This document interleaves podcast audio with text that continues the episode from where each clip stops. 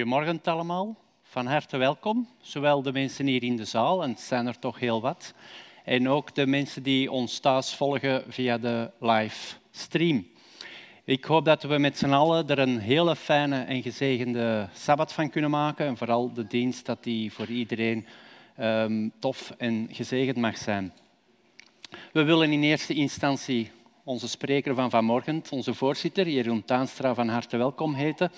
Hij zal ons vanmorgen voorgaan in de studie van Gods Woord. En we zien al met z'n allen na, denk ik, naar wat hij ons deze week te vertellen heeft. Vooraleer dat we van start gaan met onze dienst, zijn er toch een aantal aandachtspunten die ik wil mededelen. Eerst en vooral beginnen we met het positieve nieuws.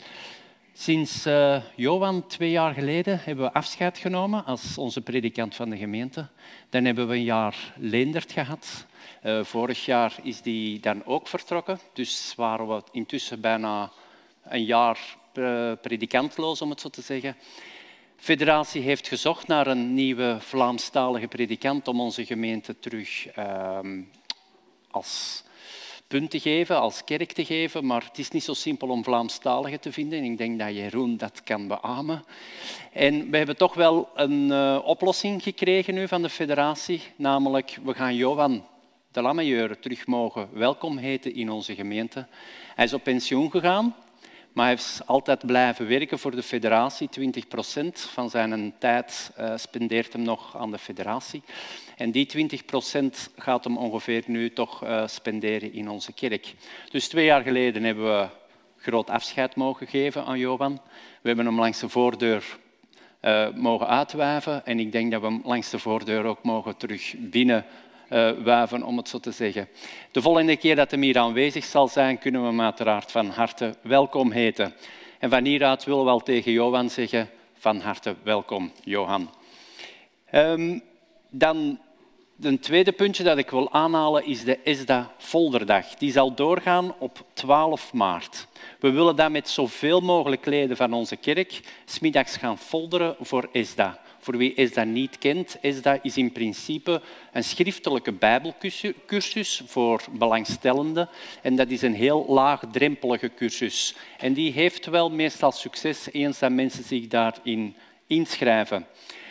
Um, als u mee wilt gaan op die namiddag, en dat is op 12 maart dan, hier om 14 uur aan de kerk, dient u zich wel in te schrijven. Op die manier kunnen wij, hebben wij een beter zicht op wie meegaat en wie niet. En dan moeten wij ook een aantal dingen voorbereiden, want iedereen krijgt een plannetje mee waar je kan gaan folderen. We moeten de aantal folders plus-minus afstemmen op die gebieden die we dan meegeven. Uh, en er wordt ook een kleinere versnapering voorzien voor die middag. Dus even inschrijven. Dat kan u op het e-mailadres info.woordvanhoop.be of als je dat niet kunt onthouden, u mag altijd een mailtje sturen naar Jozef de Winter, naar mezelf of naar streaming. En wij sturen die mail dan uiteraard door naar de betreffende persoon die het nodig heeft. Het is wel belangrijk dat u dat doet voor 22 februari. Dat is de uiterste datum en dan krijgen wij nog alles goed geregeld. Dus kijk er even naar of u kan. En ik zou echt een warme oproep willen doen voor de mensen hier in de zaal, maar ook de mensen thuis, om hiermee aan deel te nemen. Er is vandaag ook uh, terug een mijlpaal sinds de coronacrisis. We hebben terug sabbatschool kunnen houden. Um, we hebben dat een tijd, een paar maanden geleden ook kunnen doen. Dan is het terug afgeschaft. Nu zijn we er terug mee begonnen. Om 9.45 uur zijn we van start gegaan. En er zijn toch een aantal mensen die er uh, aanwezig zijn geweest. Dus de bedoeling is nu om inderdaad elke week terug sabbatschool te organiseren 9.45 uur hier op het eerste verdiep. Dus hebt u interesse of wilt u echt terug sabbatschool delen met anderen, het woord van God delen met anderen, wees er dan gewoon op tijd bij. En zo hopen we om stilletjes aan terug op een normale manier te kunnen functioneren in onze kerk. Voor degenen die er vorige week bij waren, ik denk dat bijna iedereen was, eh, hadden we de doop van Claudia Verrijd. Het was een hele aangename dienst. Er was Terug een beetje uh, pre-corona gevoel, heel veel volk. Alleen de mondmaskertjes waren er nog. Maar het was in ieder geval een fantastische morgen. Um, voor velen onder ons zal het zijn de doop na corona, de eerste doop. En dat was het dan ook. Ehm, in ieder geval konden we op die moment genieten van elkaar, van zoveel volk, maar ook genieten van een tasje koffie, een tasje thee. Er was zelfs een versnapering voorzien. En we willen iedereen bedanken en, uh, die erbij was vanuit de kerk, maar ook vanuit Claudia, haar oogpunt, denk ik, dat uh, voor alle mooie attenties die gegeven zijn, voor alle kaartjes, voor alle bedankingen, alle gelukwensen voor Claudia zelf, willen we iedereen inderdaad bedanken voor erbij te zijn. En we hopen dat we deze keer niet zo lang moeten wachten op onze volgende doop hier in de kerk. Vanmiddag is het nog vonkjes en verkenners. Um, ook de compagnons komen van de avond samen om, uh, om 18.30 uur, dus om half zeven. De compagnons zijn de 16, 16-plussers. Uh, 16 plussers. En de vonkjes en verkenners die komen van de middag samen, vanaf 14 uur, hier in ons kerkgebouw. Dan nog een aantal kleine puntjes. Als u binnenkomt, merkt u dat het scherm terug is opgestart, het infoscherm. Onderaan hebben wij nu een aantal QR-codes staan. Het eerste QR-code kan u scannen met uw gsm en dan komt automatisch het krantje tevoorschijn. Dus daar kan u het krantje ook raadplegen. Dat was voor corona al zo, nu na corona ook. Eh, het is zo dat we nu twee jaar geen gedrukt krantje meer maakten. Ehm, in deze tijd van digitale maatschappij, moet zo te zeggen denk ik dat we dat ook niet meer gaan opstarten. En dus als u het krantje wenst, neem uw gsm, scant even die QR-code en u krijgt automatisch uw krantje op uw gsm. Er zijn er nog andere QR-codes, zo kunt u allerlei documenten downloaden uh, voor inschrijvingen van kampen, voor informatie over welke is dat dag zit daar ook tussen. Informatie van de, de federatie vindt u daar ook in terug. Dus echt een aanrader, als u straks passeert langs het infoscherm, kijk er eens even naar. U hebt ook gemerkt, sinds vorige week zijn we terug opgestart met de koffie en thee. En iedereen is daar ook van harte welkom na de dienst om koffie en thee te nuttigen. Zo, ik ben eindelijk aangekomen aan het einde van al mijn aankondigingen. De meeste aankondigingen kunt u ook terugvinden in dat digitale krantje dan.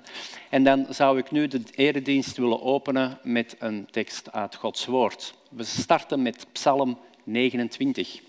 Erken de Heer, o goden, erken de Heer, zijn macht en majesteit. Erken de Heer, de majesteit van zijn naam.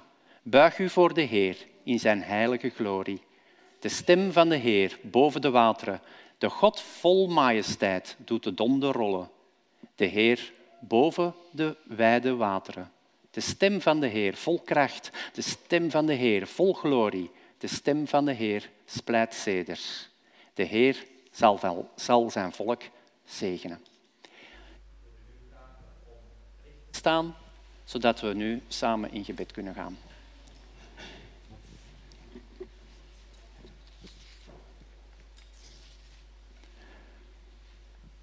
Onze Vader in de hemel. Heer, we willen u deze morgen danken, Heer, voor het samen zijn op deze Sabbatmorgen. Danken dat we kunnen samenkomen met elkaar en dat in het bijzijn van u. Heer, we zijn dankbaar dat we even kunnen ontsnappen aan die dagelijkse sleur in de week. Dat we even kunnen ontsnappen aan de drukte van het leven, Heer. En dat we even alles achter ons kunnen laten om hier samen te zijn met onze broeders en zusters. Heer, om ook uw woord hier beter te kunnen bestuderen en te bekijken. Heer, we willen u ook vragen om deze morgen in ons midden te vertoven. Niet alleen hier in de kerk, maar ook een ieder thuis die ons volgt via de live-uitzending. Heer, wil ook met onze spreker hier doen zijn. Wilt u zijn lippen aanraken en zegenen, Heer. Dat hij woorden mag spreken die ons mogen opheuren, die ons mogen ondersteunen. Maar vooral, Heer, dat uh, die, ons, die woorden ons mogen vullen met uw liefde. En op die manier, Heer, kunnen wij wederom opgeladen naar huis gaan, om zo de nieuwe week tegemoet te zien. En we zijn uh, deze morgen ook in gedachten bij al diegenen die ziek zijn, al diegenen die te oud zijn om hier nog naar de kerk te kunnen komen. Wees hun allen nabij en laat hen weten, Heer, dat wij in gedachten ook bij hen zijn. Heer, wees ook met uw geest van de middag in het bij de vonkjes en de verkenners en de compagnons deze avond, Heer. Wilt u een fijne tijd met elkaar geven en een tijd die in christelijke sfeer mag verlopen. Dat alles vragen wij u en danken wij u in de naam van Jezus. Amen.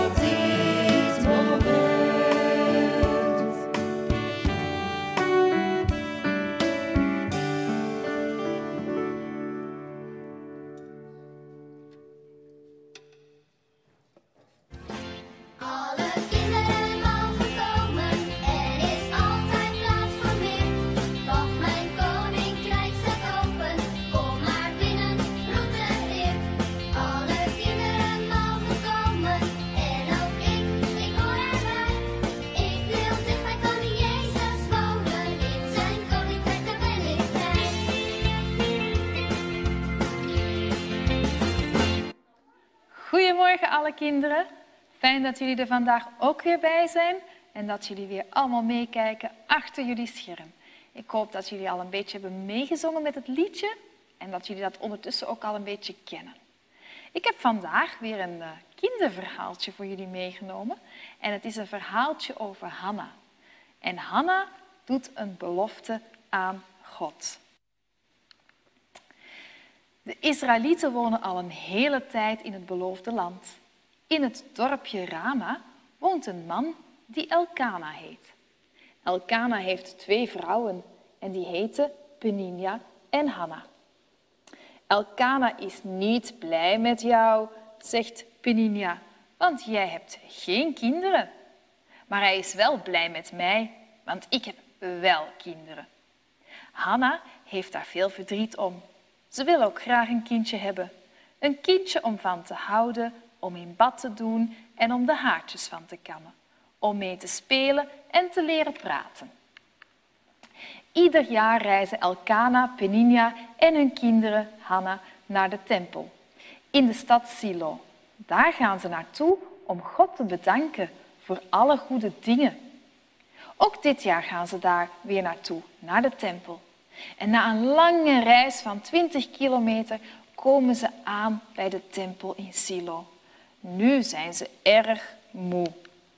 In de tempel offert Elkana aan God. Als hij klaar is, eten ze samen van het offervlees. Elkana is een heel lieve man voor Hanna. Hij geeft Hanna twee keer zoveel te eten als Peninia. Dat doet hij omdat Hanna veel verdriet heeft. Na het eten zoekt Hanna in de tempel een stille plek. De priester Eli ziet Hanna op de grond zitten. En na een tijd zit ze er nog steeds. Eli kijkt heel goed naar Hanna. Wat doet die vrouw daar toch? Hij ziet dat haar lippen bewegen, maar hij hoort haar niet praten. Dat is gek. Wat is er toch met haar aan de hand? Is ze misschien ziek? Eli gaat naar Hanna toe en hij raakt haar schouder aan. Wat is er toch met jou aan de hand? Ben je ziek? vraagt hij. Hanna kijkt omhoog en ze huilt. Haar wangen zijn nat van de tranen. Ik bid al heel lang tot God en vandaag heb ik hem verteld dat ik heel veel verdriet heb. Priester Eli denkt na. God zal jou geven wat, hij jou, wat je hem vraagt. Dit beloof ik jou. Hanna is heel verrast en blij. Ze gelooft wat Eli, de priester, zegt. Nu is ze niet meer verdrietig. En ze kan weer lachen en zingen. Ze staat op en ze gaat terug naar Elkana en Peninia. Met z'n allen reizen ze terug naar Rama. En onderweg zegt Hanna tegen Elkana: Ik heb in de tent aan God om een kindje gevraagd. En de priester Eli beloofde dat God mij zal geven waar ik om bid. Nu weet ik zeker dat we een kindje krijgen. Dat is fijn, Hanna, zegt Elkana. Maar ook als je geen kindje hebt, houd ik nog heel veel van jou. Hij geeft Hanna een dikke knuffel. Ik wil je nog iets vertellen, Elkana. Ik heb God iets beloofd. Als wij een zoon krijgen en als hij al wat groter is, dan breng ik hem naar Silo. Priester Eli kan hem dan in de tempel veel over God leren. Dat is goed, Hanna. Doe maar wat jij het beste vindt, zegt Elkana. En raad eens. Na een jaar werd er een jongetje geboren. Wat fijn dat Hanna nu ook een kindje heeft. Ik noem ons kindje Samuel, zegt Hanna tegen Elkana. Ik heb een kindje aan God gevraagd en ik heb dit jongetje van hem gekregen. En plaagt Peninia Hanna nog steeds? Nee, dat doet ze gelukkig niet meer. Samuel is een lief jongetje. Hanna zorgt goed voor hem en Samuel groeit flink. Hanna houdt heel veel van haar kleine jongen. Ze leert hem praten en zingen. Ze speelt met hem en geeft hem heel vaak dikke knuffels en kusjes. En vaak denkt Hanna, ik heb een kindje gevraagd en ik heb Samuel van God gekregen. Op een dag gaan Elkana, Beninia en Hanna en de kinderen weer naar Silo. Hanna neemt de kleine Samuel mee. Samuel is nu drie jaar oud. Na een lange reis komen ze bij de tempel. En meteen gaat Hanna naar de priester toe. Dag, Eli. Kent u mij nog? vraagt Hanna. Ik was hier vier jaar geleden ook. U beloofde mij toen dat God mij een kindje zou geven. Weet u dat nog? En dat heeft God gedaan. Hij heeft ons een zoon gegeven. Hanna draait zich om. Samuel, kom eens bij mama, roept ze, kom eens hier. En daar komt Samuel al aanrennen. Kijk, Eli, dit is Samuel. God heeft ons dit kind gegeven. En nu geef ik hem aan God terug. Dat heb ik aan God beloofd. Eli aait Samuel over zijn hoofd. En Samuel lacht naar hem. Samuel, kom jij in, bij mij in de tempel wonen? vraagt Eli. Ja, dat wil Samuel heel graag. Kom maar mee, dan gaan we een kamer voor jou zoeken. Eli geeft Samuel een hand. En samen gaan ze naar binnen. Hier mag jij slapen, zegt Eli. En daar, in die kamer daar verder, daar slaap ik. Morgen laat ik je zien wat er allemaal in de tempel staat, belooft Eli. Ik zal jou ook heel veel over God vertellen. En ik zal je leren lezen en schrijven. Wil je dat wel? Ja, dat wil Samuel wel. Hij wil graag alles leren. Elkana, Peninia en Hanna gaan weer naar huis. Dag Samuel, tot volgend jaar. Eli en Samuel zwaaien tot ze niemand meer kunnen zien. Dan geeft priester Eli de kleine Samuel een hand. Kom mijn jongen, we moeten nog heel veel doen. Hanna zit op een bankje voor haar huis. En ze is bijna klaar, want ze haalt de laatste speld uit het nieuwe jasje. Nu moet ze nog één knoop vastnaaien en een lusje maken en dan kan het jasje dicht. Ziezo, klaar is het jasje voor kleine Samuel. Elkana en Peninia vinden de jas ook heel mooi. Ieder jaar gaat Hanna naar de tempel. Dan ziet ze haar zoontje Samuel weer. En ieder jaar is Samuel een klein beetje gegroeid. En raad eens welk cadeau hij dan krijgt. Hij krijgt nieuwe kleren. Kleren die zijn moeder voor hem gemaakt heeft. En daar is Samuel heel blij mee. Zo, dit was het verhaaltje over Hanna. En ik denk dat jullie daar zeker uit kunnen onthouden dat je aan God dingen mag vragen. Je mag tot God bidden. Als je verdrietig bent, mag je hem vertellen waar je verdrietig over bent. Als je blij bent, mag je hem dat ook vertellen.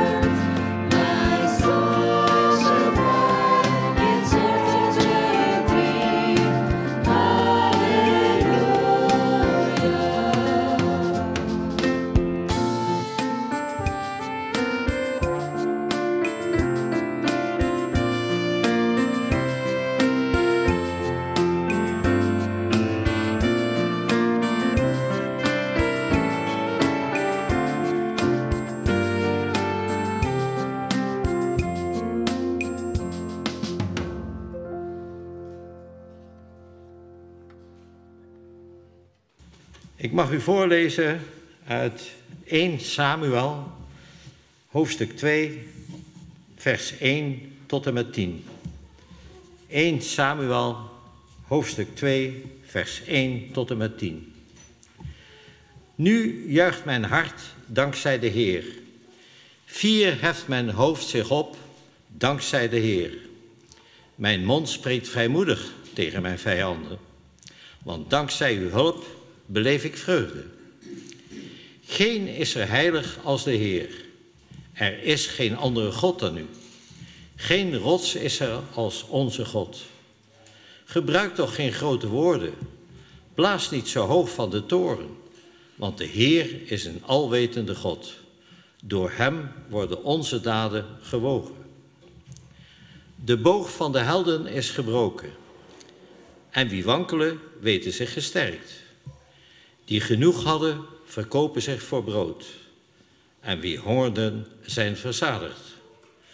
De onvruchtbare baart zeven zonen. En wie veel kinderen heeft, verwelkt. De Heer doet sterven en doet leven. Zendt naar het dodenrijk en leidt daaruit omhoog.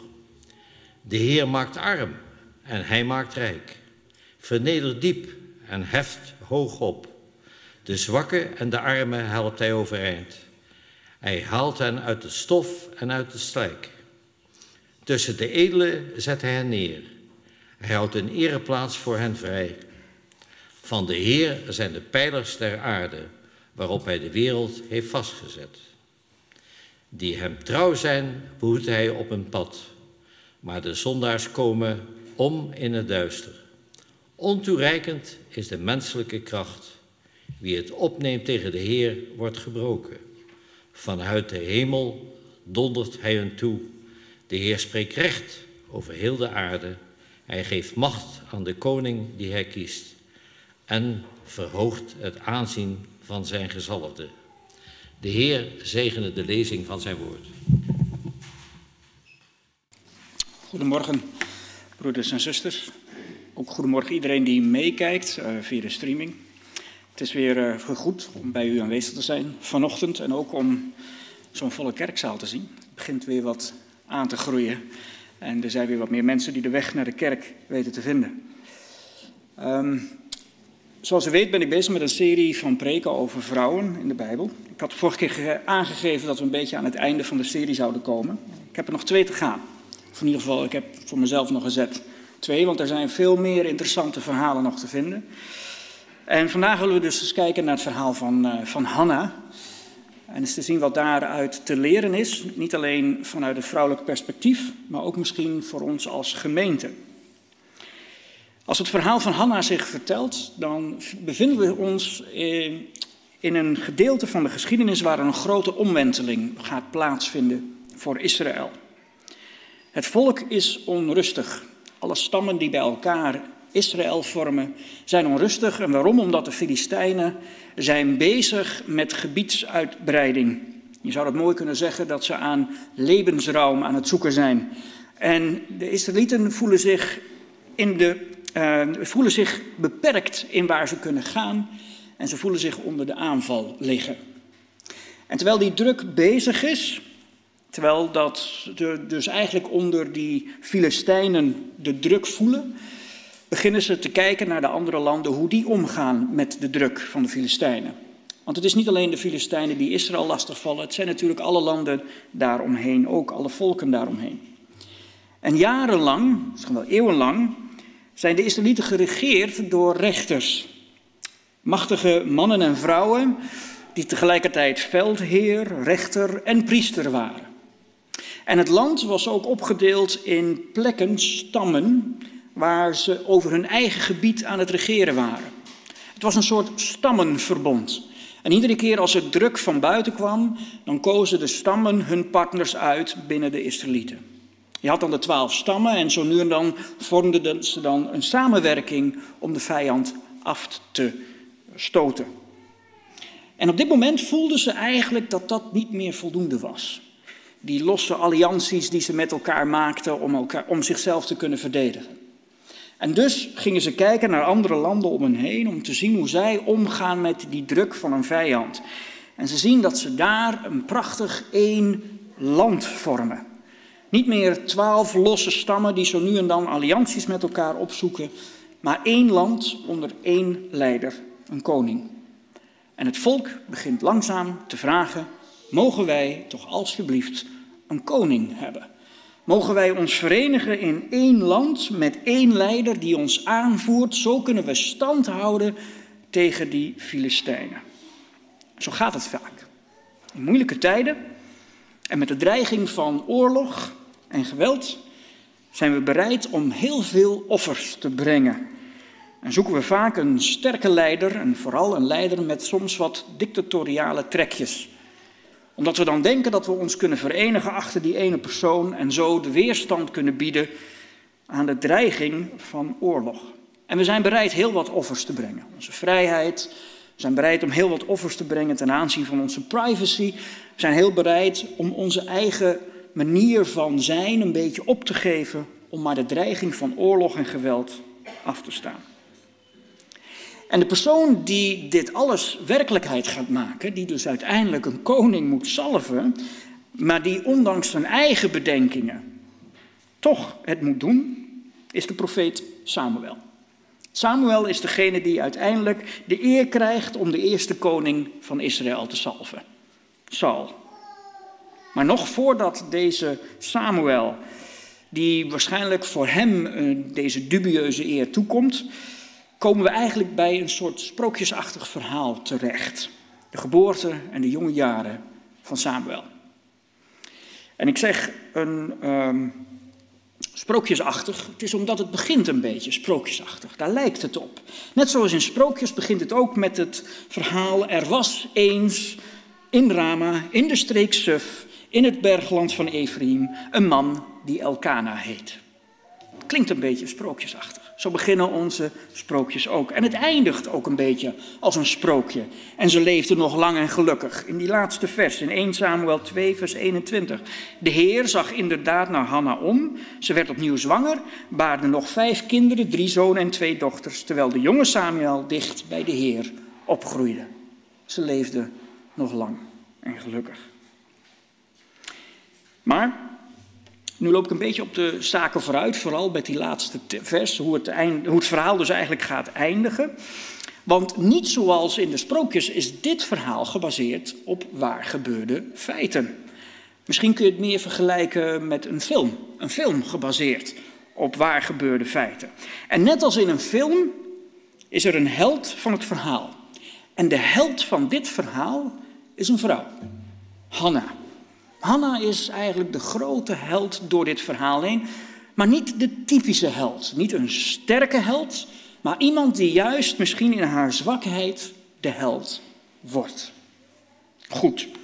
Er was dus een man in de streek Suf, in het bergland Ephraim, en die heette dus Elkana en die woonde daar. Het was een, een geestelijk man. En zoals misschien in het Nederlands de naam van de streek, Suf, het was er ook een beetje suf. De mensen hadden niet echt door wat er aan de grenzen gebeurde met de Filistijnen. Misschien hadden ze niet zo'n behoefte aan een koning, want je merkt in het verhaal dat deze mensen de druk van de Filistijnen niet zo voelden. Ze waren veel meer bezig met hunzelf, waar ze mee aan het worstelen waren. En deze Elkana, en daar begint het allemaal goed mee, is een, een heilig man, is een goed mens. Dat voel je door het verhaal heen. En het verhaal begint eigenlijk heel rustig, maar je voelt al meteen bij de tweede tekst dat er iets misgaat in dit verhaal. Want zo leest het in 1 Samuel 1, vers 2. En u mag het erbij pakken, dan kunt u meelezen hoe we door het verhaal heen lopen en er bepaalde aspecten uithalen. In 1 Samuel 1, vers 2 zien we al dat dit verhaal niet zonder de nodige complicaties gaat verlopen. En waarom? Hij had twee vrouwen. Ja, dan weet je al dat het niet makkelijk gaat worden voor hem. De ene heette Hanna en de andere Penina. Penina had kinderen, maar Hanna niet. Het is maar één zinnetje. Het zijn maar een paar woorden die er worden gegeven. Maar het is een klassieke tegenstelling in um, een klassiek verhaalelement, zou je kunnen zeggen. Twee vrouwen waarvan de een kinderen kan krijgen en de ander niet. Is niet de eerste keer dat we dat tegenkomen in, uh, in de Bijbel. Het is niet de eerste keer dat we dat tegenkomen in de verhalen. Waar iemand getrouwd is met, en in dit geval kun je zeggen minimaal. We weten niet of hij nog meer vrouwen heeft gehad. Maar minimaal twee vrouwen. En dan dat contrast tussen die twee vrouwen. De een kan kinderen krijgen, de ander niet. En dat betekende eigenlijk in die tijd, als er één geen kinderen kon krijgen, dat die dan ook niet geliefd was. En degene die wel kinderen kon krijgen, ja, dat was degene die geliefd werd. Maar zoals we ook weten met deze patronen in het verhaal, deze kenmerken in het verhaal, is dat eigenlijk het andersom zou kunnen zijn. En dat gebeurde vaak. In de Bijbelse verhalen, als er twee vrouwen werden geïntroduceerd waarvan er één kinderen kon krijgen en de ander niet, dan was de liefde ook net gekruist. Degene die geen kinderen kon krijgen, die was dan de favoriet. En degene die wel kinderen kon krijgen, die was dan niet de favoriet. Zal het ook zo in dit verhaal zijn? Elkana, een gelovig man, twee vrouwen, de nodige complicaties zullen er dus komen en elk jaar gaat hij naar de tempel. In 1 Samuel 1, 1 Samuel 1 vers 3 tot en met 5. Elk jaar ging deze man vanuit zijn woonplaats naar Silo om daar de Heer van de hemelse machten te vereren en hem offers te brengen. Gofni en Pinegas, de twee zonen van Eli, waren daar de priesters van de Heer. Wanneer Elkana zijn jaarlijkse offers bracht, gaf hij zijn vrouw Penina en haar zonen en dochters een stuk van het offervlees. Maar het mooiste stuk gaf hij aan Hanna, want haar had hij lief, ook al hield de Heer haar moederschoot gesloten. Je ziet hier wat voor een man Elkana is. De eerste indrukken die je krijgt van Elkana is dat hij gelovig is, twee vrouwen, maar dat hij ook een voorkeur heeft voor een van de twee vrouwen. En dat hij eigenlijk iets dus ongebruikelijks doet. Hij heeft de vrouw die geen kinderen kan krijgen, zoals het wordt gezegd. De Heer hield haar modderschoot dicht, gesloten. Daar houdt hij het meest van. En dat laat hij zien door hele kleine signaaltjes te geven. Hij geeft het mooiste vlees van het offervlees aan Hanna. In andere vertalingen zul je tegenkomen dat hij gewoon één stuk geeft. En dat was ook waar ze recht op had. Als er een offervlees was gebracht, dan mocht daarvan gegeten worden nadat het was gegeven aan God. Er werd dan een gedeelte aan de priester gegeven en de rest mocht je dan zelf opeten. En het werd dus eerlijk verdeeld. Het was inderdaad zo dat Penina recht had op meer offervlees, want zij had kinderen, veel kinderen, zonen en dochters, behoorlijk wat. Hier zie je het contrast nog groter. Je hebt Nina aan de ene kant die veel kinderen heeft en Hanna geen kinderen heeft, maar Hanna veel geliefd is en Penina niet zo geliefd is. Gaat dit lang goed? Nee. Han, eh, eh, Elkana zit tussen deze twee vrouwen in, heeft meer liefde voor de ene vrouw dan voor de andere vrouw. En maakt hij de juiste keuzes? Gaat hij het makkelijker maken of niet? Het duurt dus ook niet lang voordat er complicaties ontstaan. Haar rivalen kwetsten haar dan diep door haar te sarren, omdat de Heer haar geen kinderen gaf. Zo ging het jaar in, jaar uit. Elke keer als ze naar het heiligdom van de Heer gingen, treiterde Penina Hanna zo erg dat ze begon te huilen en haar eten liet staan. Dat is een klassieke ontwikkeling in dit verhaal. Er gebeurt heel veel.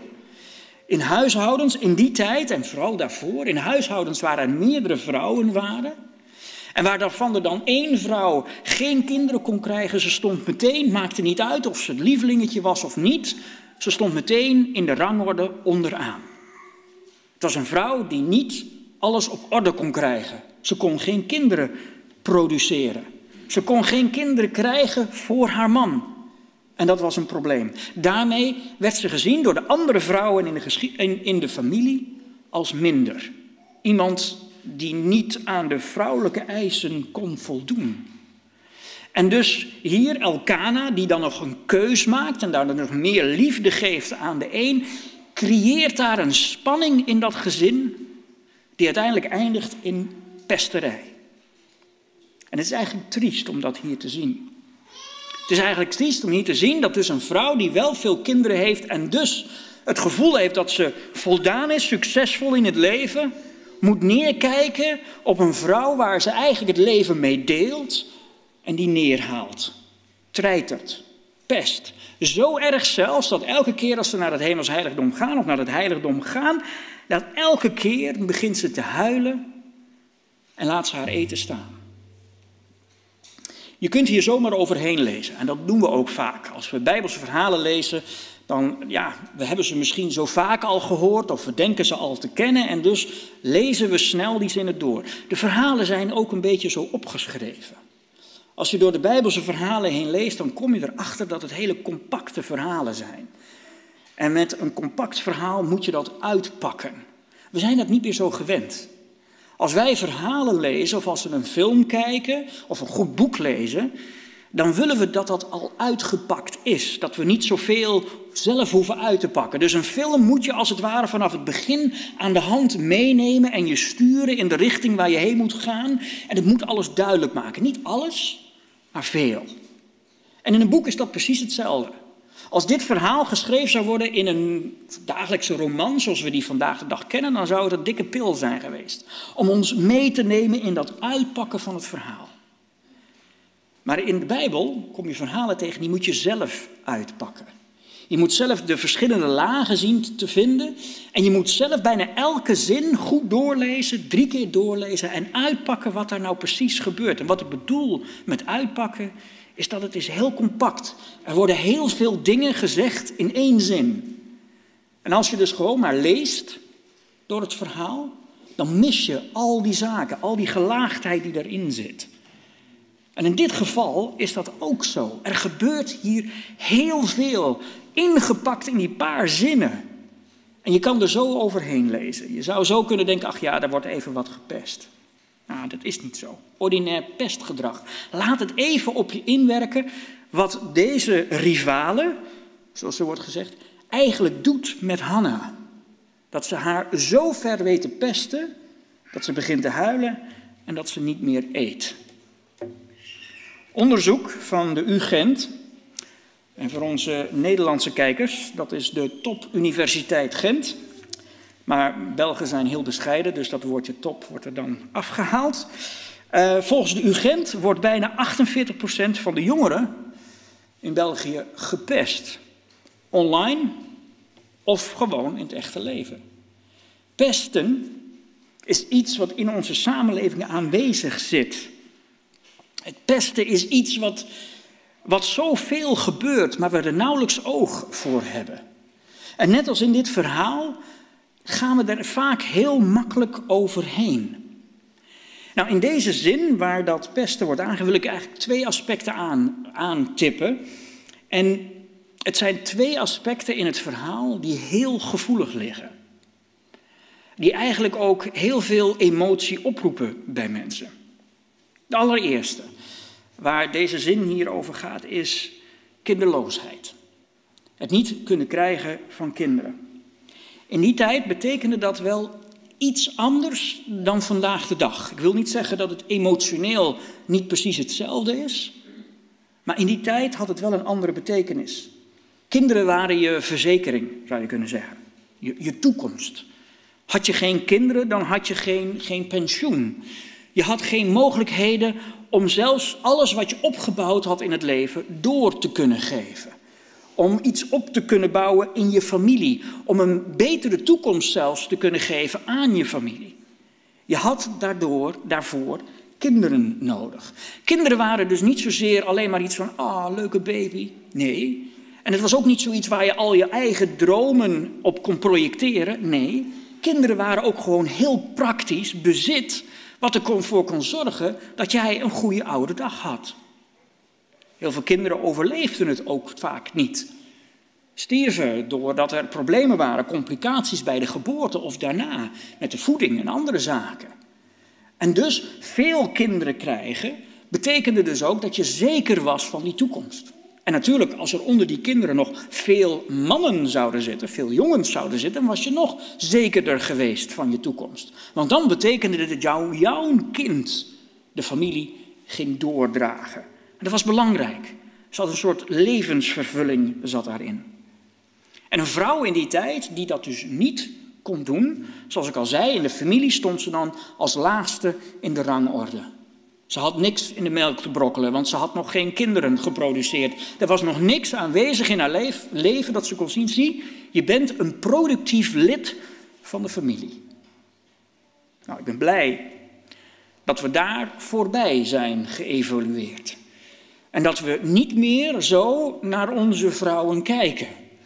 En dat we ook niet meer zo onze vrouwen, zou je kunnen zeggen, rangschikken. En ik zeg onze vrouwen, dat is natuurlijk, iedereen heeft maar één vrouw. Dat is de bedoeling vanaf vandaag de dag. Maar wat ik probeer aan te geven is dat we kijken gelukkig niet meer zo daarnaar. Het is niet meer zo dat je hele toekomst afhankelijk is van of je al dan niet kinderen hebt.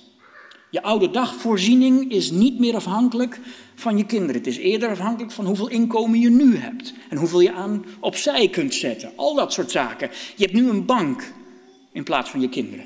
Zou je hebt nu een pensioenfonds in plaats van kinderen. En dat is wel veranderd. En dat is misschien ook maar goed. Want dat neemt ook de druk bij vrouwen af om kinderen te krijgen of om te produceren. Ja, het klinkt een beetje, beetje raar om het woord produceren, maar zo werd het wel gezien. Van wanneer werd dan uiteindelijk de vrouw productief in dat gezin, is als er kinderen waren. Als er geen kinderen waren, was ze niet productief. Vandaag de dag zijn er natuurlijk nog steeds kinderwensen. En is natuurlijk ook de emotionele lading van geen kinderen kunnen krijgen, is nog steeds daar aanwezig. En het is misschien voor ons, mannen, heel moeilijk voor te stellen. En heel moeilijk voor te stellen wat een vrouw zonder kinderen voelt. En daar moeten we dus ook als mannen heel voorzichtig mee omgaan. Niet zomaar allerlei aannames doen over de kinderloosheid en hoe daar dan mee om. En niet het maar afdoen van, ach, het is toch allemaal niet zo erg. Het komt wel goed. Je hebt toch ook nog wel neefjes en nichtjes. En, nou ja, je, je weet wel hoe we proberen te verzachten het leed in iemands leven. Maar misschien wel het allerbelangrijkste wat we als samenleving en als geloofsgemeenschap kunnen doen, is absoluut nooit het gevoel meegeven dat een vrouw minder vrouw zou zijn als er geen kinderen zouden zijn. Dat mogen we niet aangeven. Kinderen is niet wat iemand als vrouw maakt. Ik weet, in bepaalde culturen is dat nog steeds het geval. Is een vrouw en heeft het geen kinderen, dan wordt ze gezien als minder. En niet alleen in culturen ver van ons vandaan, maar ook in culturen die we soms heel dicht bij ons hebben. Ik heb het zelf meegemaakt ehm, in Rotterdam met jonge meisjes die allemaal het idee hadden: in deze zomer moet ik kinderen krijgen, want ik ben pas echt vrouw als ik achter een kinderwagen loop. Ik ben geen echte vrouw totdat ik een kind heb. Heb ik geen kind, dan ben ik nog zelf steeds een kind. Ik ben pas volledig vrouw als ik kinderen heb. En misschien voor velen van u denkt u van, maar dat is toch niet meer waar? Dat zit er nog heel diep in. Het gevoel van vrouw zijn, zodat je kinderen hebt. Het ultieme vrouw zijn dan. Maar kinderen is het eigenlijk niet wat je ultiem vrouw maakt. Je bent vrouw zoals je bent. Niet een stereotype uit de samenleving, maar een vrouw zoals je bent. Met kort haar of lang haar, met een broek of een rok, met vrouwelijke trekjes, mannelijke trekjes, met kinderen of zonder kinderen. Je bent een vrouw. En dat is iets wat we als gemeenschap en iets als samenleving elkaar ook moeten aangeven. De waarde zit in de persoon en niet in wat de persoon kan doen of voortbrengen. Dat is één aspect gevoelig. Een tweede aspect wat hier naar voren komt is natuurlijk dat pesten. En dat het pesten ook geen onschuldige bezigheid is. We doen het zo nu en dan eens wel af. Als we twee kinderen elkaar zien pesten, dan doen we het een beetje af als ja, ja, dat is nog in de kinderen, is niet zo erg. Of hoe vaak we het ook zeggen, als een jongetje een meisje pest, dan zeggen we ja, ja, hij vindt jou leuk. En we maken er eigenlijk een grapje van, dat het wel oké is om iemand anders te pesten. En let wel, hè, zoals ik al zei, hè, de, verhalen in de Bijbel die moet je uitpakken. Die moet je, uh, die, die moet je verder gaan lezen. En het is ook zo, omdat natuurlijk dit verhaal was normaal een orale traditie. En dat betekent dat deze verhalen werden doorverteld. En als je een verhaal in je hoofd wil onthouden, en het wil door kunnen vertellen, dan moet je in je hoofd opslaan wat cruciaal is voor dat verhaal. En dus sla je enkel en alleen op de elementen die belangrijk zijn voor het verhaal. Vandaar dat je dus in heel veel verhalen nooit te weten komt hoe iemand eruit ziet. Tenzij het belangrijk is voor het verhaal. Tenzij de, hoe iemand eruit ziet, bijvoorbeeld in het verhaal van Rachel en Lea, dat de een had fletse ogen. Normaal wordt er nooit gesproken over hoe iemand eruit ziet, maar fletse ogen was aan te geven dat zij er niet zo knap uitzag als haar zusje. En dat is dan omdat het verhaal daarom gaat, die rivaliteit. En dat is in elk Bijbels verhaal zo. De dingen die worden gezegd, de woorden, het is, je zou kunnen zeggen, de verhalen worden heel economisch gebracht. Dat betekent dat je elk woord wat er staat, heeft een betekenis, maar moet ook uitgepakt worden, moet ook begrepen worden. En hier wordt het dus ook gezegd. Ze begon te huilen en liet haar eten staan. Dan denk je, ach, oké, nou, zo erg ook weer niet. De meeste vrouwen zijn op dieet, dus als ze haar eten laten staan, prima. Maar het zijn deze korte woordjes, het zijn deze korte woordjes die veel meer betekenis hebben. Er staat hier maar heel weinig. Ze huilt en liet haar eten staan, maar daar mag je veel meer emotie achter zien. En dat is het geval wat hier gebeurt. Het is niet zonder consequenties het pesten. Een tweede bij pesten aankomt, is dat er eigenlijk alleen maar slachtoffers zijn bij pesten. Zowel degene die pest als de gepeste zijn slachtoffers. In dit verhaal is het zo duidelijk dat het pestgedrag van de een naar de ander toe voortkomt uit het lijden van beide. Beide lijden. De gepeste is ook die lijdt in dit verhaal. Waarom? Zij heeft dan wel alle kinderen, maar ze heeft de liefde van haar man niet. En de ander, die lijdt, die heeft geen kinderen, maar heeft wel de liefde van haar man. Beide lijden deze vrouwen. En het resulteert dat de een de ander onderdrukt. En dat is op een of andere manier een behoefte die wij hebben als mens. Is dat als wij ons niet zeker voelen van onszelf, als we zelf lijden, dat we op een of andere manier de behoefte hebben om iemand anders, een zwakkere, die wordt gezien als zwakkere, nog lager te maken om maar beter te voelen over onszelf. Het is op een of andere manier een psychologische kwaal die we hebben als mensen. Is dat als we ons niet goed voelen over onszelf, dat we dan op een of andere manier andere mensen neer moeten halen, zodat we beter gaan voelen voor onszelf. Een soort compensatiegedrag. Ik voel me niet goed, maar als iemand anders zich nog slechter voelt, dan voel ik mij een stukje beter. En heel wat van het pestgedrag komt daar vandaan. Heel wat van het pestgedrag komt van dat we andere mensen neer willen halen, zodat we zelf beter voelen. En dan is het vaak dat wij die er omheen staan en pestgedrag zien, dat we stil blijven. Niet veel doen. En dat gebeurt ook een beetje met deze Elkana. Weet u nog? De man die die twee vrouwen had. En nu die dus met elkaar een beetje een pestgevecht met elkaar hebben. Ze lijden allebei. En waarom? Een beetje onder het gedrag van Elkana. En dat is één aspect in dit verhaal, en dat zult u misschien doorlezen. De twee mannen die hier belangrijk zijn in het verhaal, Elkana en Eli, zijn tegelijkertijd ook een beetje softe mannen. Daar bedoel ik mee dat ze niet zo actief en hard zijn en niet zozeer de leiding nemen. Het zijn een beetje afwachtende types. Heel liefdevol, zijn heel aardig, maar uiteindelijk lossen ze heel veel problemen niet op. Als je dit verhaal door blijft lezen, merk je dat Elkana ook een beetje afwachtend is en Eli ook. We komen zo meteen nog even bij Eli en alle problemen die hij laat groeien. Maar Elkana doet dat ook. En, en Elkana die merkt dus op dat een van zijn vrouwen huilt en niet meer eet. En dan vraagt hij het volgende in 1 Samuel 1 vers 8.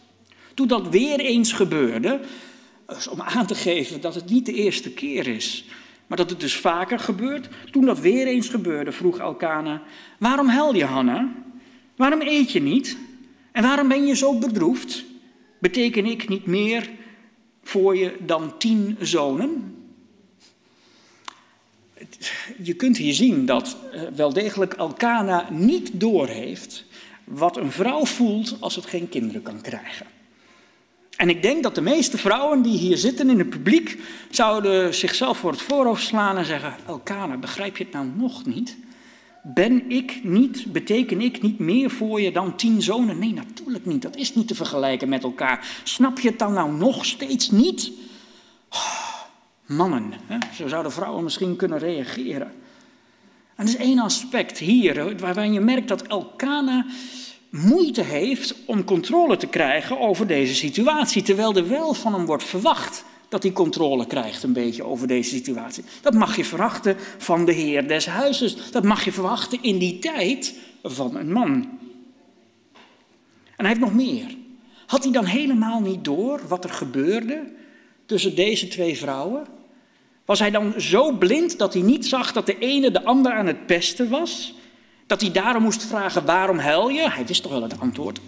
Weer, klap tegen het voorhoofd. Snap je dat nou nog niet? Weet je nou nog niet waarom ik huil? Het is toch wel duidelijk waarom ik huil en waarom ik niet eet. Moet je me nou dat nog vragen? Je kan hier een beetje voorstellen dat Hanna ook gefrustreerd raakt met Elkana. Heb je dan niet door wat je doet?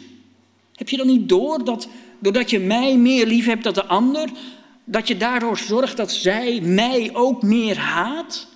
Heb je dan niet door dat doordat je een favorieten speelt, dat je daardoor een spanning in onze relaties brengt, die als resultaat heeft dat ik nu gepest word? En het had Elkana niet door. Zoals de meeste mannen niet doorhebben wat er gebeurt in hun omgeving en vaak een soort tunnelvisie hebben.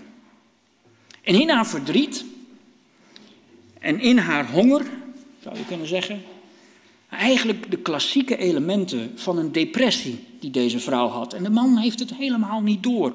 Hoe vaak en hoe kenmerkend is dat? En in die momenten gaat ze naar de tempel toe en gaat ze bidden. En dan begint er een interactie samen te, af te spelen tussen Hanna en Eli. We hebben dus de interactie gehad tussen Hanna en haar man. Niet heel erg succesvol, zou je kunnen zeggen. Eh, hij begrijpt haar niet, weet ook niet goed hoe om te gaan met het verdriet van zijn vrouw en weet het allemaal geen goede plek te geven. En nu gaan we een tweede interactie tussen Hanna en Eli zien. Zal dit beter aflopen? We zullen zien. Eli overigens zit heerlijk op een bankje buiten. En deze vrouw, helemaal bedroefd, hongerig, depressief, zit in die tempel te bidden. En daar zit Eli, rustig, eh, voor op een bankje en eigenlijk ook niet goed bewust van zijn omgeving. En Eli ook, als je het verhaal door blijft lezen, kom je erachter dat Eli ook een beetje iemand is op afstand, die ook de boel maar een beetje laat gaan. Want waarom? Ondertussen hebben we in het begin gehoord dat hij twee zonen heeft. En als we een beetje door gaan lezen, dan merk je dat die twee zonen absoluut de grootste hypocrieten zijn die er maar zijn kunnen. En nog een keer afpersers zijn van degene die het offervlees komen brengen. Die twee zonen van hem, die zogenaamd priesters moesten zijn, waren het niet waard om die titel priester te krijgen. En wat doet Eli? Treedt hij op tegen zijn zonen? Zegt hij, maar dit kan niet, dit is het huis van God, dan kunnen jullie op deze manier handelen? Nee, Eli zit op een bankje buiten. Van geen kwaad bewust, of heel bewust geen kwaad willen zien. En dan komt deze vrouw, huilend, binnen in die tempel. En dan wordt er beschreven wat daar gebeurt. U kunt het zich misschien ook wel een beetje voorstellen. Ze is de wanhoop nabij. Ze is depressief. Ze wordt gepest. Ze kan geen kinderen krijgen. En haar man begrijpt haar ook al niet. Wat is daar nog over in dat leven voor haar? En de laatste wanhoopsroep is dan een gebed naar God toe. Diep bedroefd bad Hanna tot de Heer in tranen. Ze legde een gelofte af. Heer van de hemelse machten, ik smeek u, u hebt toch nog oog voor mijn ellende. Denk aan mij, uw dienares. Vergeet mij niet, schenk mij een zoon, dan schenk ik hem voor het hele leven aan u. Nooit zal zijn haar worden afgeschoren. Een klassieke belofte wordt er hier gedaan. Hier wordt gebeden dat als ze een zoon krijgt, dan zal ze hem afstaan en zal toegewijd zijn aan God. Interessant overigens hoe ze hier God aanspreekt. Heer van de hemelse machten. In oudere vertaling staat Heer der Heerscharen. En het is eigenlijk in dit verhaal dat voor het eerst, en het is al eerder in het verhaal genoemd, dat voor het eerst deze titel aan God wordt gegeven. De Heer der Heerscharen. Heerscharen zijn de legermachten in de hemel. Hier bidt een vrouw die compleet bedroefd is tot een God, de God van zijn legermachten in de hemel. Uiteindelijk later betekent de Heer der Heerscharen, de Heer van de hemelse machten, betekent dat Hij Heer is over alle machten, alle goden, alles wat maar in, uit de hemel kon komen. Daar was God Heer over.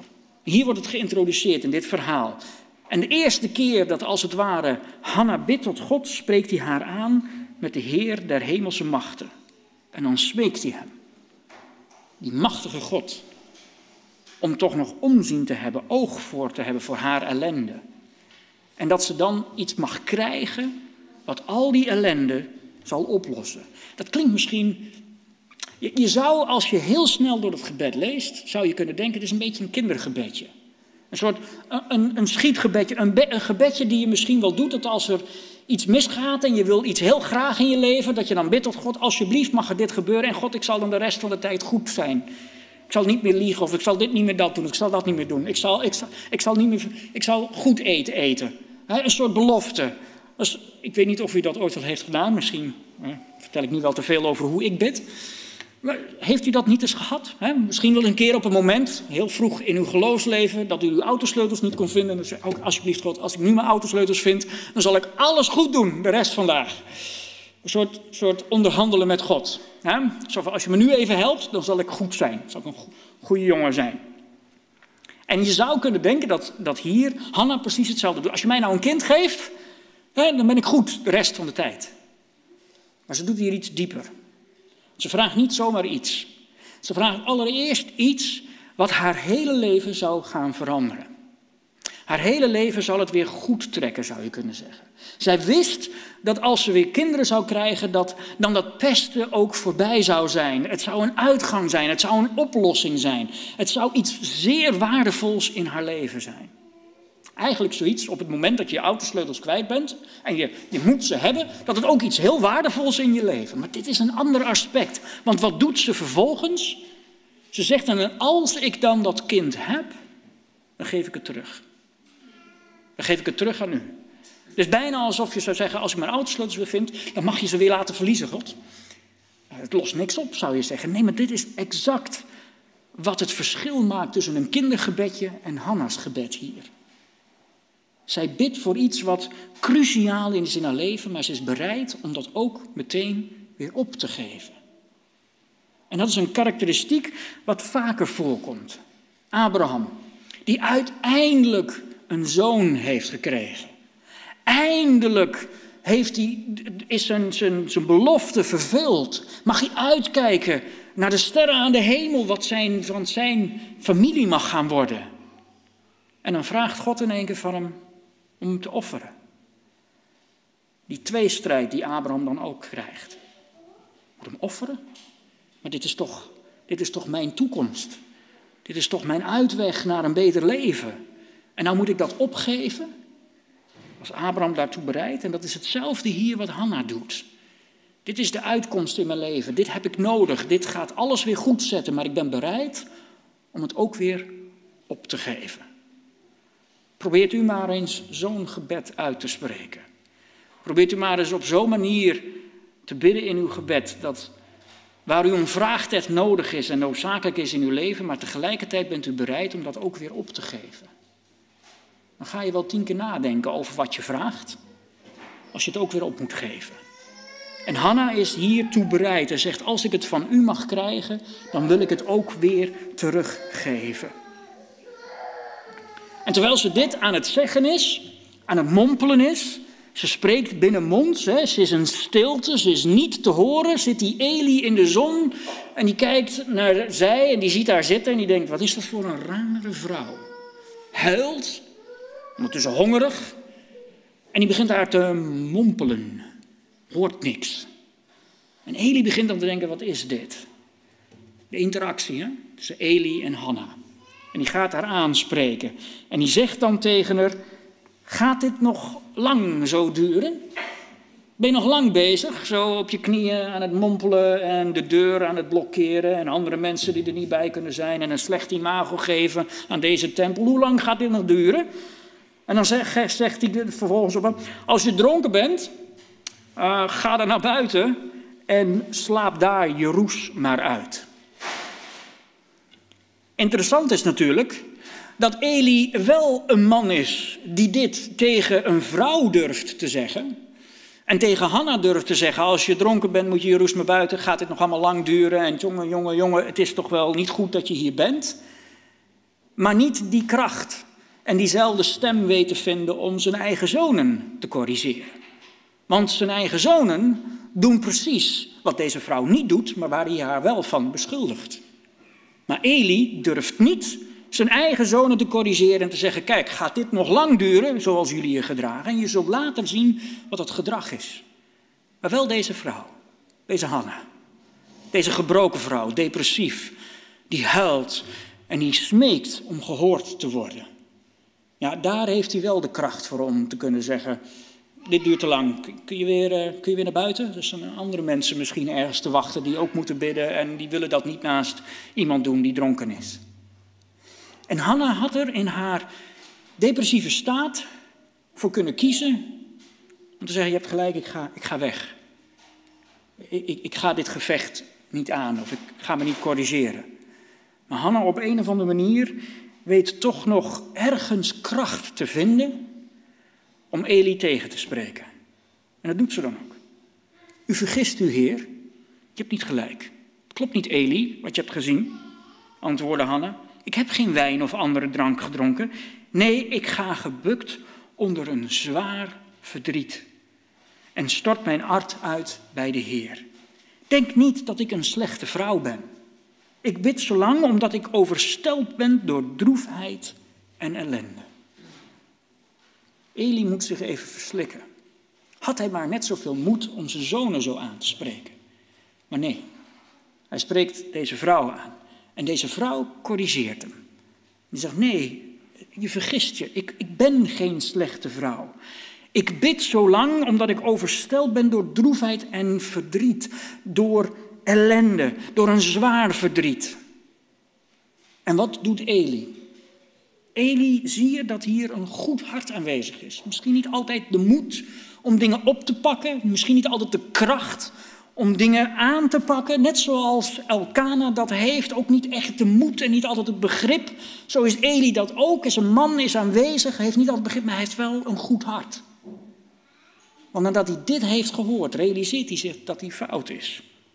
En dan zegt hij tegen ga in vrede. De God van Israël zal u geven waarom u hebt gevraagd. Best een eng antwoord dat Eli geeft, want hoe wist Eli precies wat zij had gevraagd? Wordt hier niet gezegd dat ze dat meedeelde. Maar hij ziet dat verdriet. En hij weet zeker dat God zal ingrijpen met dat verdriet. Hoe dat ook zal gaan gebeuren. En dus gaat ze in vrede. Ze klaart zich weer helemaal op. In deze interactie zie je dat op een of andere manier Hanna een veilige haven weet te bereiken. Ze gaat naar die tempel toe met een bedroefd hart, zwaar verdriet. Ze smeekt om hulp. En ze wordt eerst aangesproken door Eli dat ze weg moet gaan. Omdat Eli niet kan luisteren, niet luistert naar haar. Want ze bidt in stilte. Ze was niet te horen. Eli kan niet naar de luisteren, al zou hij willen. En uiteindelijk spreekt ze dus op en hoort hij en luistert hij naar wat Hanna te vertellen heeft. En dan realiseert hij zich dat dit een veilige plek voor Hanna is. En dat haar gebeden verhoord zullen worden. Kunnen wij als geloofsgemeenschap ook zo'n veilige plek zijn als voor vrouwen als Hanna? Zijn wij zo'n veilige plek? En niet alleen voor kinderloze vrouwen als Hanna, die in die tijd laag in aanzien stonden, maar kunnen wij ook een veilige plek zijn voor weduwen, voor wezen, daklozen, immigranten, verslaafden, armen, mensen die worstelen met psychische klachten, Mensen die worstelen met hun seksuele geaardheid. Mensen die door een relatiecrisis heen gaan. Kunnen wij ook zo'n veilige plek zijn voor hun, zoals Eli die veilige plek maakte in de tempel? Zijn we een veilige plek voor deze mensen? Kunnen ze hun hart uitstorten hier in deze gemeente, in deze tempel, zou je kunnen zeggen, en niet veroordeeld worden? Niet aan de kant geschoven worden, niet de deur gewezen worden, maar dat ze er mogen zijn. Kunnen mensen met hun problemen hier komen en net zoals Eli deed, het antwoord geven: ga in vrede. God is met je, hij zal naar je luisteren. Zijn wij zo'n geloofsgemeenschap? Waar dit soort mensen met soms een hele trieste achtergrond toch hun plek mogen krijgen. Thuis mogen horen. Te horen mogen krijgen dat God naar hen luistert. Zijn wij een luisterend oor naar dit soort mensen? Horen we echt naar wat mensen mee worstelen in onze gemeente? Hebben we echt dat luisterende oor of, veroordelen we ze al? Maken we ze al uit voor dronkaards, zoals Eli dat deed? Had nog helemaal niet gehoord waar ze mee zat en concludeerde al dat ze eigenlijk niet in de tempel thuis hoorden. En het was pas toen ze eigenlijk echt kon zeggen wat er aan de hand was. En dat Eli een luisterend oor had. Dat ze een plek kon vinden in die tempel. In deze verhalen komen heel veel personages uiteindelijk naar voren. Hanna gaat uiteindelijk naar huis. Hanna wordt zwanger. Wordt zwanger van Samuel. En op het moment dat ze geen borstvoeding meer geeft aan Samuel, dan gaan ze weer naar de tempel toe en wordt Samuel gegeven aan de priester Eli. Vandaag de dag zouden we toch wel tien keer nadenken om een klein jongetje van drie jaar aan een priester mee te geven. Maar in die tijd was dat nog wel heel gebruikelijk. En deze ging opgroeien in de tempel. En deze werd uiteindelijk een sterke profeet. Een groot contrast met zijn vader Elkana en een groot contrast met Eli. Samuel was wel iemand die wist op te treden. Samuel was uiteindelijk wel iemand die mensen in bescherming namen. Samuel was uiteindelijk wel iemand die gerechtigheid en rechtvaardigheid hoog in het vaandel had staan. En Elkana en Eli, geen slechte mensen, absoluut niet. Goede mensen, een goed hart. Maar niet mensen die op de bres stonden in de verdediging van de verdrukten. Maar juist mensen waren die misschien wel een luisterend oor hadden, maar ook niet altijd iets konden doen. En zo in dit verhaal kom je al die karakters tegen. En misschien kunt u zich identificeren met verschillende. Het is niet erg. Je hoeft zich niet altijd met de held, met Hanna, te kunnen identificeren. U mag zich met anderen in het verhaal identificeren. Misschien kunt u zich identificeren met die Alkana. Die lieve, misschien wat naïeve man. Die zielsveel van zijn vrouw houdt, maar er eigenlijk niet begrijpt. En eigenlijk het conflict in zijn relaties zoveel mogelijk vermijdt. Misschien herkent u zichzelf daarin. Of, of Penina, die andere vrouw, de pestkop. Maar die eigenlijk onder dit alles ook lijdt. Hoewel succesvol in het leven staat, maar uiteindelijk de liefde niet kent waar ze zo naar hunkert. En het dan op het zwakkere uitleeft. Misschien herkent u zichzelf daar ook in. Misschien bent u zo iemand die heel succesvol voorkomt, maar het ook nodig vindt om anderen toch iets lager te plaatsen dan jezelf. Of misschien kunt u zich beter identificeren met Hanna, geliefd, maar gepest. Voor haar eigen gevoel ook absoluut niet succesvol. Vol verdriet en met het idee dat niemand haar begrijpt, zelfs haar eigen man niet. Iemand die eigenlijk in stilte lijdt, maar net zoveel lijdt als haar pestkop. Misschien kunt u zich daarmee identificeren en heeft u het gevoel dat u die rol speelt. Of misschien wel gewoon Eli, een rustige, zachte, zeer geestelijke man die de tijd neemt om te luisteren, om uiteindelijk zijn oordeel op te schorten en troostend te zijn. En de laatste karakters die dan plotseling in het verhaal worden geïntroduceerd zijn die zonen, Gofni en Pinchas, de twee zonen van Eli. We hebben het nog niet over ze gehad, maar dit zijn echt een beetje het schorum in het verhaal. Het zijn de mannen die je eigenlijk niet eh, als voorbeeld zou mogen nemen. In vers 12 wordt daarover gesproken. De zonen van Eli waren een stel afpersers. Ze trokken zich niets van de Heer aan. Dit zijn de zonen van Eli. Eli die op het punt stond om Hanna de deur te wijzen van de tempel omdat ze dronken zou zijn. En die laat elke dag toe dat zijn twee zonen in de tempel afpersingen eh, eh, plegen. Ze trokken zich niets aan van de Heer. Dit zijn twee priesters die zich niets aantrekken van de Heer. En ze maakten misbruik van het rechten die het priesterambt verbonden zijn. Wanneer iemand een offerdier liet slachten, dan kwam er het vlees, gaar was en een priesterknecht met een drietandige vork. Daarmee prikte hij in de pot, de pan, de ketel of de schaal en alles wat er aan de vork bleef hangen, werd dan aan de priester toegegeven, eigende de priester toe. Dit was niet volgens de regels. Er was heel erg goed afgesproken dat als je kwam met een stukje vlees en het moest, wat, welk gedeelte er naar de priesters mocht gaan. Het was niet dat een priester kwam en met een grote drietang erin prikte en zei, oh, alles blijft aan de drietang hangen. Ja, jammer, die is voor ons. Want degene die het offervlees kon brengen, mocht er zelf ook van eten. En zo ging dat door. En als er dan iemand zei van, hé, hé, hé, zo mag dat niet. Als dan iemand zei, want dan gingen ze nog verder vragen. Het was zelfs zo erg dat het rauwe vlees werd gevraagd. Dat betekende dat ze het offer nog niet eens hadden gebracht.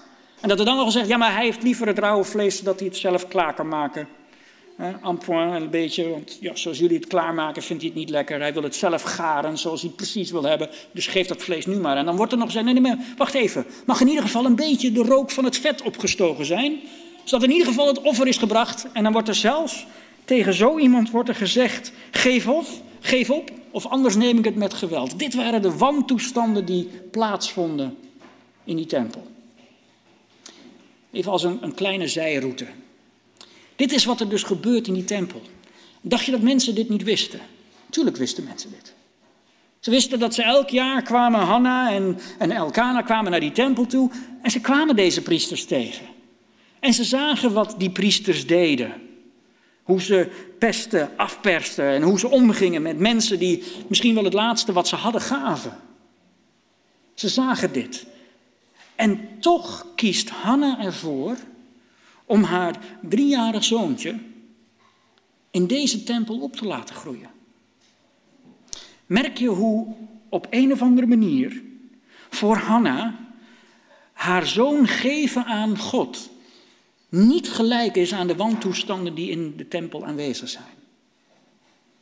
Op een of andere manier kon de familie van Hanna daar het onderscheid in maken. Ze wist dat hoewel die twee priesterzonen, hoewel ze daar enorm tekeer gingen en misbruik maakten van hun priesterambt, dat ze wisten dat dat niet hetzelfde was als de tempel en God. En dat ze daar kon opgroeien. Het was een enorm offer wat Anna bracht wetende wat er gaande was in die tempel, en toch die loyaliteit hebben aan die tempel. Dat is iets wat we vandaag de dag heel vaak niet meer zien. Daar hebben we heel veel moeite mee.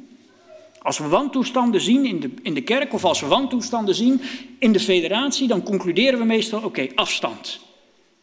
Niets meer mee te maken hebben. In de Bijbel kom je andere zaken tegen. In de Bijbel wordt het anders gezien, al zijn er die wantoestanden van die twee zonen, toch gaat Anne het vertrouwen hebben dat God daar nog steeds aanwezig is en spreekt. Iets wat we voor ons heel moeilijk kunnen accepteren. Zou u het doen?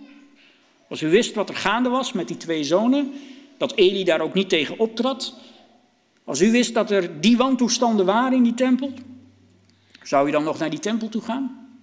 Zou je dan uw enige geboren zoon geven aan die tempel om daar op te groeien en te leren van die Eli die niets corrigeert bij zijn zonen? Zou je dat nog doen? Hanna doet het. Hanna heeft die loyaliteit naar God toe. Hanna heeft die loyaliteit waar ze op blijft staan, hoe gevaarlijk die loyaliteit ook is. En misschien hoe onterecht die loyaliteit ook is. En misschien kunt u zichzelf identificeren met die twee zonen. Nou, ik hoop het niet. ik hoop dat u daar niet mee kunt identificeren. Maar het mooie is dat in dit verhaal zijn er zoveel aspecten. En dat is het, dat je moet uitpakken. Het mooie is in dit verhaal dat iedereen zich wel ergens in kan herkennen. Maar het belangrijkste uit dit verhaal, of althans wat ik u vanochtend mee wil geven, is de rol die Hanna speelt in dit verhaal. En vooral hoe Eli en Hanna met elkaar omgaan en vooral hoe de tempel ruimte geeft aan Hanna. Ik denk dat we daar enorm veel van kunnen leren. Weer een vrouw die ons eraan herinnert hoe we als gemeente moeten zijn. Zijn wij zo accepterend? Zijn wij die, dat luisterende oor? Zijn wij echt een gemeente waar we horen en luisteren naar de problemen die hier leven? Zoals Hanna dat uitsprak naar God toe. En zijn wij dan bereid om daar een plek aan te geven? Om te durven zeggen tegen iemand: ga in vrede. Maakt niet uit waar iemand mee worstelt. Maakt niet uit welke problemen er in iemands leven zijn. Dat we een luisterend oor kunnen zijn en dat we uiteindelijk ook kunnen zeggen: ga in vrede. God hoort u. God luistert naar u. En dat we een gemeenschap mogen zijn waar wij ons ook veilig genoeg vinden om met elkaar over onze problemen kunnen praten. Waar je met je problemen kunt komen. Nou, ik ben niet gek. Ik ben opgegroeid in de Adventkerk. Ik weet hoe onze kerk in elkaar steekt. En ik weet dus dat onze kerk ver van dit ideaal afstaat. Wij voelen ons niet veilig om met onze problemen naar de kerk toe te komen. We voelen ons veel veiliger als we de schone schijn kunnen ophouden. Als we de kerk binnenkomen en alles laten zien dat het goed gaat. Nee, het gaat goed. Al valt ons hele leven achter ons uit elkaar in de kerk, gaat het goed. En zo praten we met elkaar. Op een of andere manier hebben we een geloofsgemeenschap gecreëerd waar het belangrijker is om te laten zien dat alles goed gaat, dan dat het niet goed gaat. En we hebben dat een beetje in onze theologie zitten. We geloven dat wij zijn als Adventkerk die gemeente, die geloofsgemeenschap, die het lichaam van Christus vertegenwoordigt en het zichtbare lichaam van Christus is. En iedereen, als uiteindelijk Christus terugkomt, en iedereen een keuze moet maken, dan kan niemand zeggen, ja maar ik heb Christus nooit gekend. Want waarom kunnen ze dat niet zeggen? Want Adventisten waren overal. En overal waar je Adventisten tegenkwam, kwam je Jezus tegen. Dat zit in onze theologie. En dus als wij overal die boodschap, onze boodschap hebben verkondigd. En we overal zijn geweest, heeft niemand meer het excuus om niet te kiezen voor Jezus. En daarom geloven we dat we zo die boodschap zo ver moeten verspreiden. Wij moeten dat eeuwige evangelie over de hele wereld verspreiden. Want als we dat hebben gedaan en iedereen in aanraking is geweest met ons, dan zijn ze ook allemaal in aanraking geweest met Jezus, dan kan hij eindelijk terugkomen. En als ze dus in aanraking met ons komen en ze moeten dus Jezus leren kennen, zodat ze echt een keuze kunnen maken, ja, dan moet je ze niet lastigvallen met, hun met je problemen. Dan moet je natuurlijk wel laten zien wie werkelijk die Christus, dan moeten ze ook de echte Christus tegenkomen. Dus ze moeten die perfecte Christus tegenkomen. En daar zetten we onszelf op voor een grote val. Want iedereen die niet aan dat hoog ideaal kan voldoen, breekt voor ons idee dat beeld van Christus weer af. En dus, iedereen die ons tegenkomt en ziet dat wij niet perfect zijn, zal dus niet die perfecte Jezus tegenkomen. En het zal dus nog langer duren voordat, ze, voordat Jezus terug kan komen.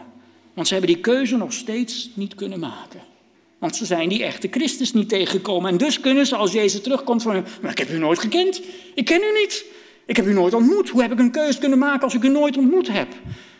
dat kan dus enkel en alleen op het moment dat wij als Adventkerk de ware Christus overal ter wereld laten zien. Of dat waar is als theologie, dat is een tweede. Maar dat zet ons wel op dat we moeite hebben met gebroken mensen. Het zet ons wel op dat wij moeite hebben met mensen die niet helemaal hun leven bij elkaar kunnen rapen.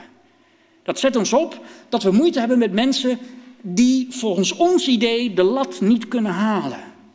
En dus als mensen hier komen in deze gemeente en ze zijn gebroken, dan zijn wij echt heel erg gefocust. Oké, hoe, hoe snel kan jij het allemaal weer bij elkaar krijgen? Hoe lang, zoals Edi dat ook zegt, hoe lang gaat dit nog duren? En als het te lang is, ga maar naar buiten.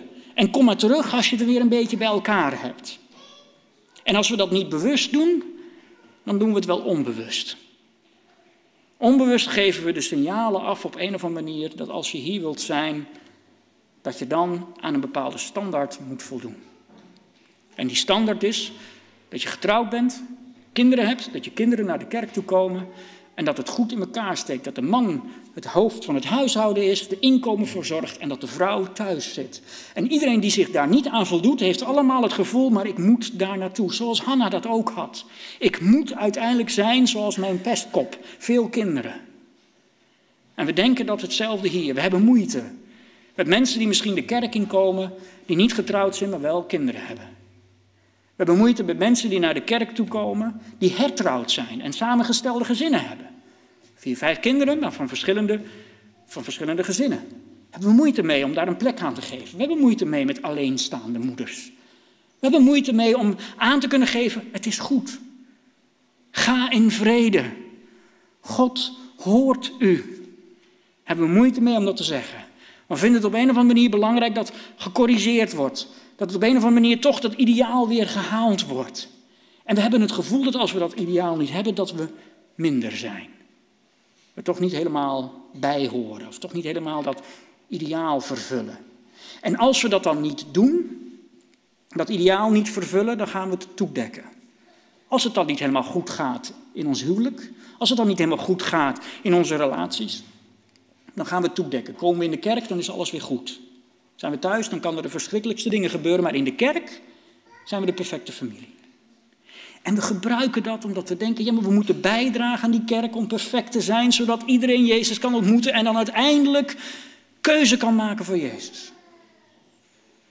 En we vergeten dat het lichaam van Christus niet perfect is. Ook het lichaam van Christus zelf was niet perfect. Als hij terugkomt, dan heeft hij twee gaten in zijn handen. Als hij terugkomt, heeft hij een snee in zijn zij. Er is misschien geen bot gebroken aan zijn lichaam, maar het is verre van perfect. Het laat die wonden wel degelijk zien.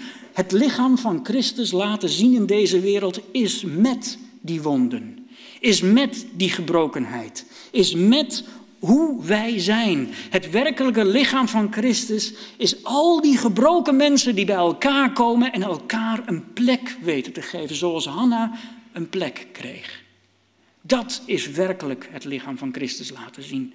Dat is die perfectie waar we het altijd over hebben. Die perfectie zit er niet in dat wij allemaal goed zijn, maar die perfectie zit erin is hoe wij omgaan met de gebrokenheid bij een ander. Daar zie je de perfectie.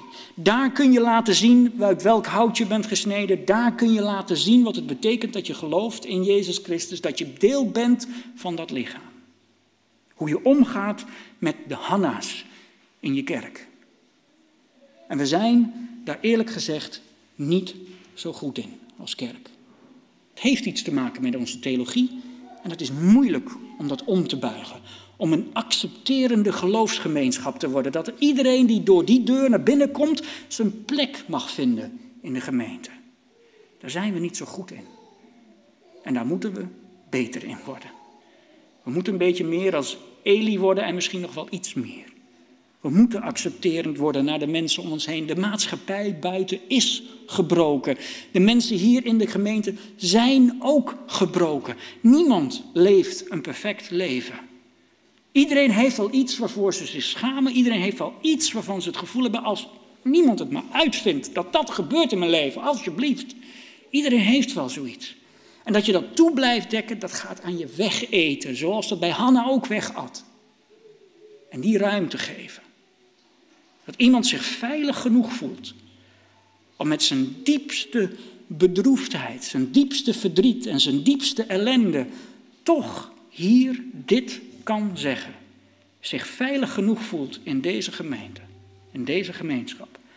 Dat is uiteindelijk wat Anna, Hanna ons probeert te vertellen. En als we werkelijk zo'n veilige plek mogen zijn, zullen we vaker het lied horen van Hanna die zingt hoe ze eerst gebroken was en daarna geheeld werd. Die wankelde en zich daarna gesterkt voelde. Die hongerde en verzadigd werd en die onvruchtbaar was en kinderen baarde. Uiteindelijk sluit het verhaal af dat ze vijf kinderen krijgt, nog meer. Twee, uh, twee, um, twee meisjes en drie zonen. ze is rijk. Ze is weer helemaal hersteld, zou je kunnen zeggen. En dit is het lied in het midden van dit verhaal. Daar wil ik mee afsluiten. En kijk in dat lied, als het gelezen wordt, de contrasten die zij maakt. Hoe God op een of andere manier de zwakke kiest en die versterkt. Hoe God op een of andere manier alles omdraait in het leven. En dat is waar het om gaat in onze geloofsgemeenschap. We moeten een geloofsgemeenschap zijn waar mensen omgedraaid worden. Bekeren zou je kunnen zeggen. Maar waar mensen binnen mogen komen als zwak en gesterkt naar huis mogen gaan. Dat betekent dat je naar elkaar moet luisteren. Dat er een veilige plek moet zijn waar je je, je gevoelens, je ellende, je verdriet mag delen. En in dit lied laat ze zien dat God zo in elkaar steekt. Dat God dat doet. Dat omdraaien in het leven. Dat je helpen om je leven om te kunnen keren. Nu juicht mijn hart, dankzij de Heer. Vier heft mijn hoofd zich op, dankzij de Heer. Mijn mond spreekt vrijmoedig tegen mijn vijanden, want dankzij uw hulp beleef ik vreugde. Even ertussen, dit is Hanna, die bedroefde, depressieve vrouw die dit zingt. Onthoud dat. Geen is er heilig als de Heer. Er is geen andere God dan u. Geen rots is er als onze God. Gebruik toch geen grote woorden. Blaas niet zo hoog van de toren, want de Heer is een alwetende God. Door Hem worden onze daden gewogen. De boog van de helden is gebroken. En wie wankelen, weten zich gesterkt. Die genoeg hadden, verkopen zich voor brood. En wie hongerden, zijn verzadigd. De onvruchtbare baart zeven zonen. En wie veel kinderen heeft, verwelkt. De Heer doet sterven en doet leven. Zendt naar het dodenrijk en leidt, leidt eruit omhoog. De Heer maakt arm en hij maakt rijk. Vernedert diep en heft hoog op. De zwakke en de armen helpt hij overeind. Hij haalt hen uit het stof en uit het slijk. Tussen de edelen zet hij hen neer. Hij houdt een ereplaats voor hen vrij. Van de Heer zijn de pijlers der aarde waarop hij de wereld heeft vastgezet. Die hem trouw zijn, behoedt hij op hun pad. Maar de zondaars komen in het duister. Ontoereikend is de menselijke kracht. Wie het opneemt tegen de Heer wordt gebroken. Vanuit de hemel dondert hij hen toe. De Heer spreekt recht over de hele aarde. Hij, heeft, hij geeft macht aan de koning die hij kiest en verhoogt het aanzien van zijn gezalfde. Dit is die vrouw depressief, huilend, hongerig, die in de tempel wordt gehoord en uiteindelijk dit lied mag zingen. Een lied van overwinning, een lied van herstel, een lied waar haar leven opnieuw zin heeft gekregen. Mogen wij zo'n gemeenschap zijn, waar de Hanna's in onze gemeente deze liederen mogen zingen. Amen.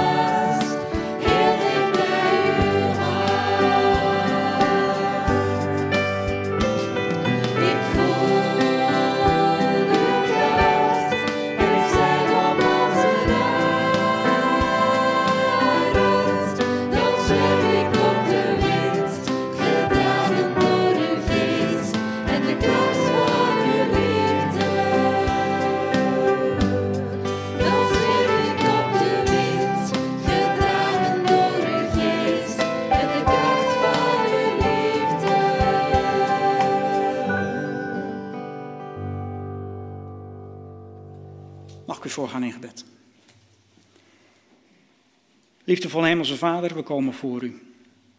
Als gebroken mensen. Als mensen met misschien ellende in ons leven.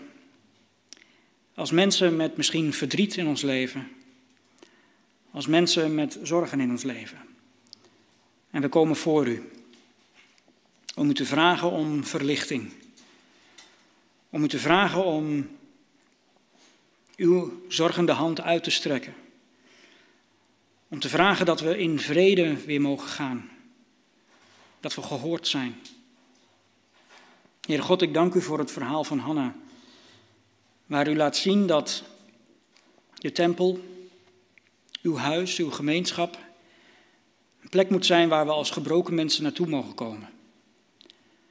Om daar heling te ontvangen. Om daar zorg te ontvangen. Om daar een luisterend oor te ontvangen. Heer God, ik wil u danken dat we dat beeld hebben gekregen, aan ons mee is gegeven als opdracht. En Heer God, vergeef ons de momenten dat we dat niet zijn geweest als geloofsgemeenschap.